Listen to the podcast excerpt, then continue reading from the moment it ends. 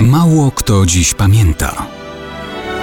Datownik historyczny prezentuje Maciej Korkuć.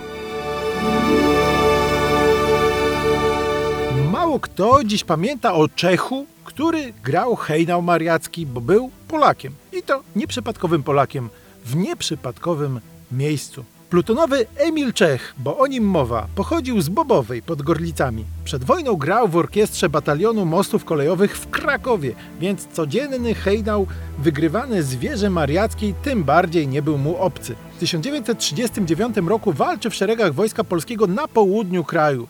Stąd ma szansę przekroczyć granicę węgierską.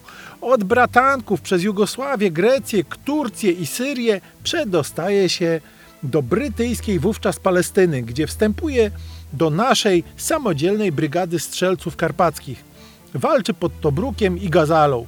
Potem już w szeregach drugiego korpusu polskiego generała Andersa ląduje we Włoszech. W czasie walk o Monte Cassino służy w trzecim karpackim batalionie saperów. 18 maja 1944 roku jeszcze przez obszary zagrożone ostrzałem niemieckim przedostaje się z poświęceniem na szczyt zdobytej góry przez Polaków.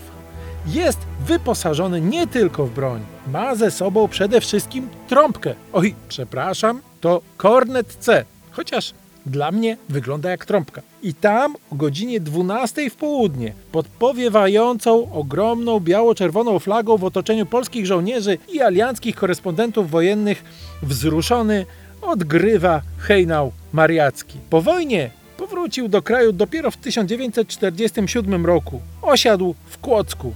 I tam dzisiaj zostanie odsłonięty jego pomnik, który wyszedł spod ręki artysty, rzeźbiarza Wojciecha Batko, doskonale czującego klimat połączenia sztuki z narodowymi tradycjami. Rzeźba przedstawia polskiego żołnierza, czyli Czecha, w alianckim mundurze, dokładnie takiego jak go utrwalono na fotografii z Monte Cassino, kiedy odgrywa hejnał na trąbce.